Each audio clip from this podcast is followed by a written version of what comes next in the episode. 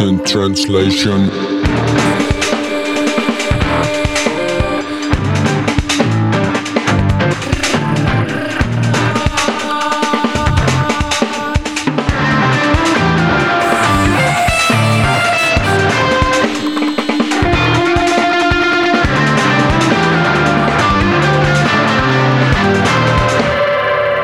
Translation.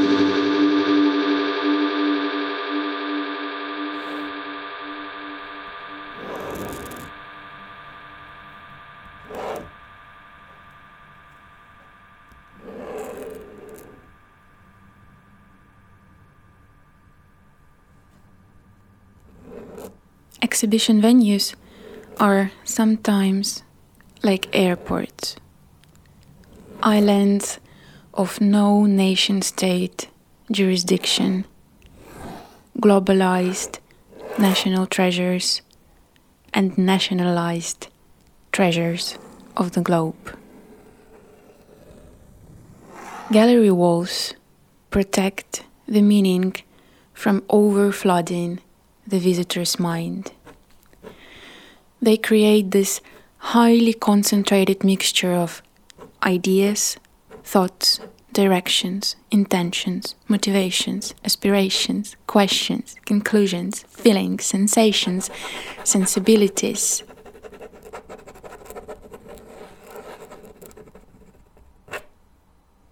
We are so used to these rectangular objects in our everyday lives that sometimes we omit how the walls frame all those meanings, those thoughts, and those feelings.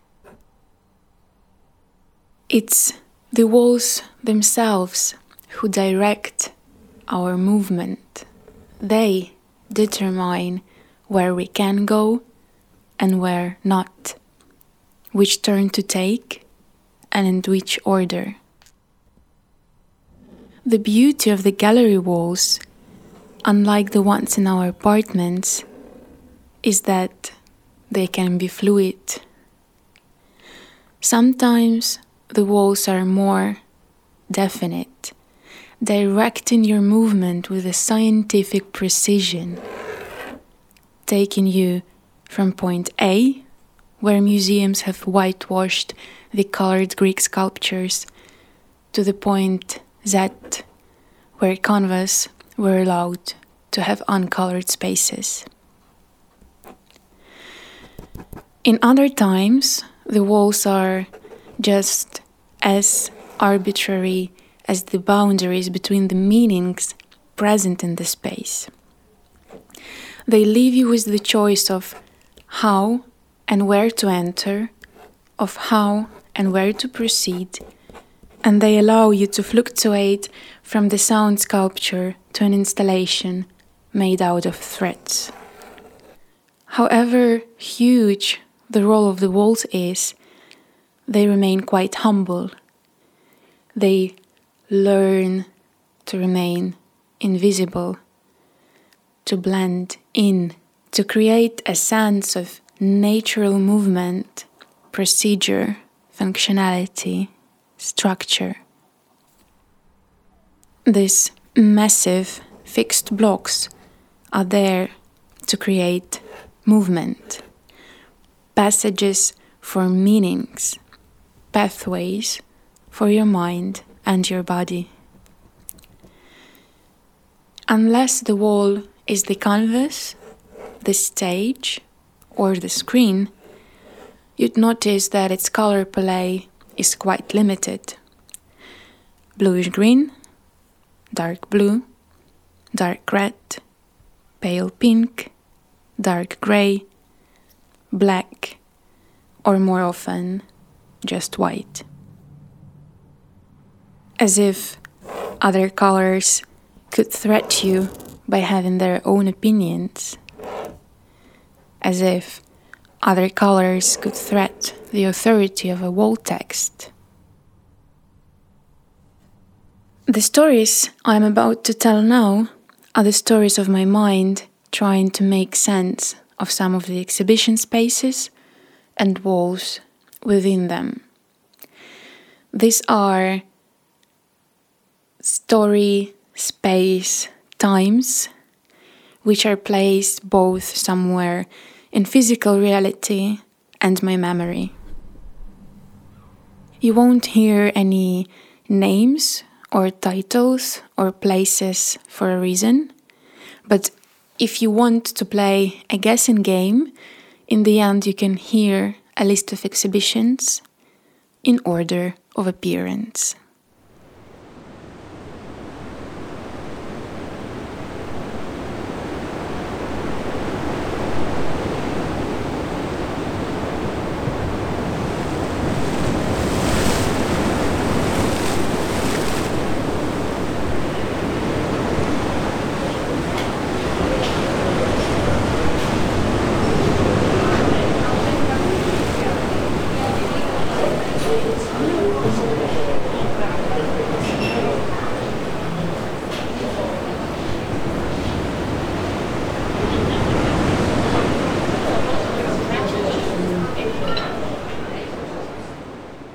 This story starts with that one time when the text in the exhibition space wasn't explaining anything to me. When the text wasn't preaching, wasn't defining the things to follow, wasn't trying to talk for the works. It was the text that told me that visiting an art exhibition shouldn't be complex, but instead the time of pleasure and of dreaming. I was bursting with joy from my mind being so free and so untamed in seeing and looking and thinking and drawing connections with all this freedom. I wasn't left on my own though.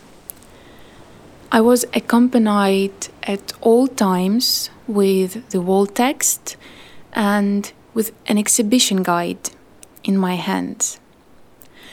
I knew where I was and what was waiting for me ahead. I knew who I was surrounded with.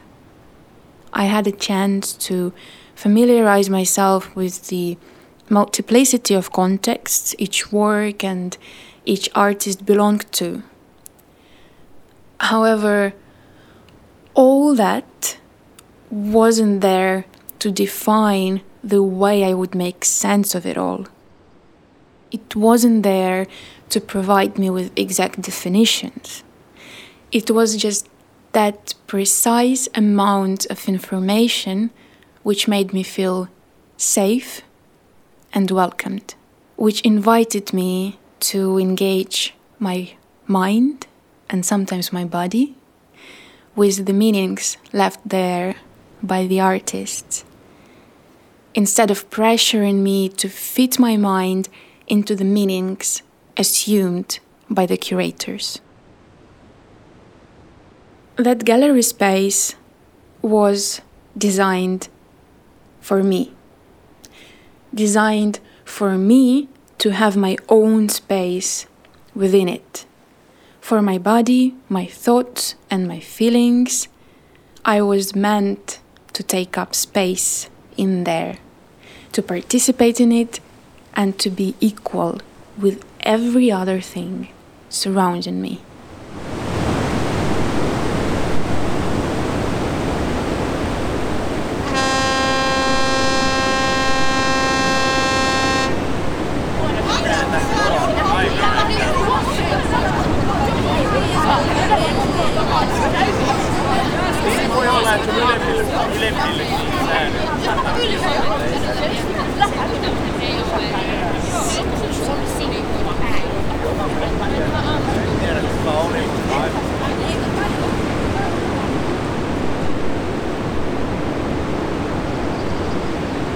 In another story, I felt like I wasn't quite supposed to stay long.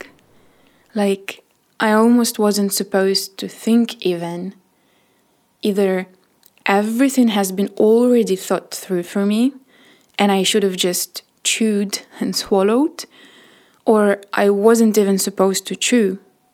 Just pass through and swallow, pass through and swallow, pass through and swallow, push it down your throat, don't wait for it to get digested, fill in your stomach as if it's your last meal. You are just passing by. You must be just passing by. Raz.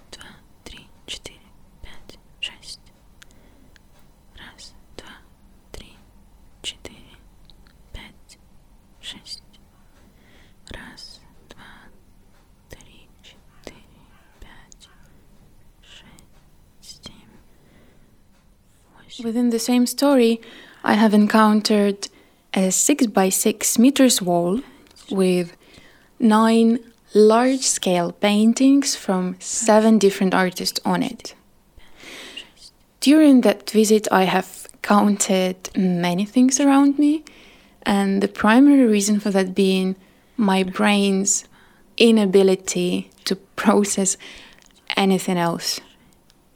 As soon as I was trying to have a meaningful conversation with one of the works, the multitude of voices around it and on the other three walls and on that slight elevation in the middle of the room, they would all start screaming so loudly that the most meaningful thing I could do was to count things. An old friend of mine was on that wall a ginger bearded, supposedly schizophrenic Dutchman. And uh, even though we didn't have a chance to catch up next to that six by six meters wall, I remembered the time we first got introduced to each other in person. Ja, anders houden andere mensen hier wel bezig. Het is altijd wat je. Hey, goed man, dan, uh, dan zie ik jou uh, om één uur. Is goed, hè. Is goed. Ik ga je spreken later. En ik, uh, blij, ik laat de dingen gewoon bijstaan. Ben ik er, dan ben ik er. Ben ik er niet, heb ik pech. Dus dat komt goed, hè. Groetjes. He was alone back then, on a different wall. I was also alone in that room. And it felt like, from the absence of the words in our conversation, the air was pulsating, sending vibrations through my body and through the body of the walls. The museum was already closing, and the guards, together with a god like lady's voice from the ceiling, were asking people to proceed to the exit. One of the guards entered the room where we were talking I don't know what exactly was happening, but at the moment he saw us, he walked out without saying a word. The sacredness of that silent conversation was preserved within the walls of the gallery and within the walls of my heart.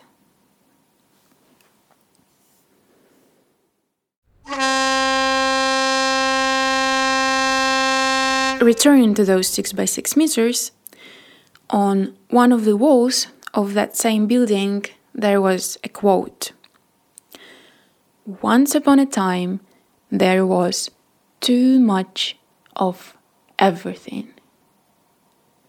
Heiss, 1977.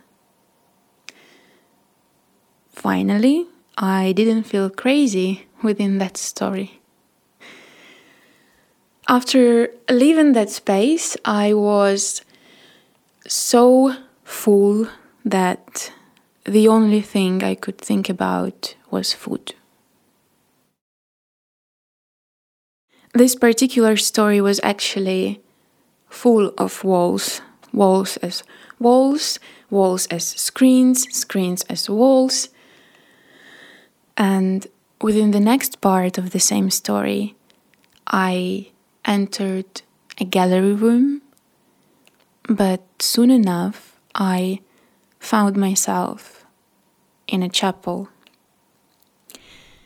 There, the altar and the shape of the screen made all the black walls around stand naked and silent. At first, the chapel was on fire, with everyone's sins burning down and the ashes coming together and being dispelled. The ashes filled up the air and then they were washed away by an upside down waterfall. Together with the woman on fire and Tristan ascending, the visitors' rhythms aligned with the rhythm of the space. For the first time, I have witnessed people staying for a video artwork not only from the very beginning to the very end, but for a multiple number of cycles. Mesmerized with no sense of time except for the one created by the works around, the one shifting and traveling with you.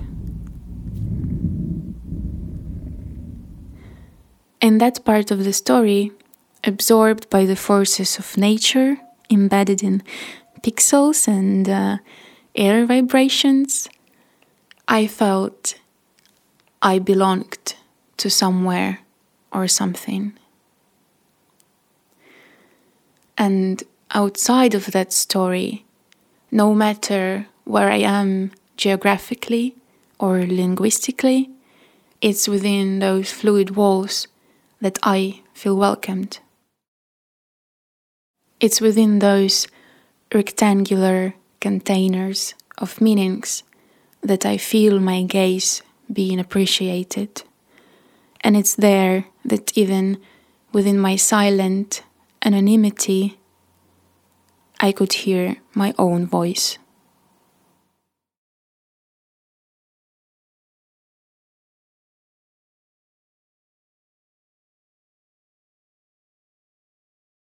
And now the promised list of exhibitions in order of appearance. Berardo Collection Museum in Lisbon, permanent exhibitions. Berardo Collection from the first modernism to the new avant gardes of the 20th century, and Berardo Collection from 1960 to the present day. Ateneum Finnish National Gallery in Helsinki, collections exhibition stories of Finnish art, and Outi Heiskanen. Van Gogh Museum in Amsterdam. Amos Rex in Helsinki, Bill Viola, Inner Journey, and definitely some other stuff, mixing things up from within my subconscious.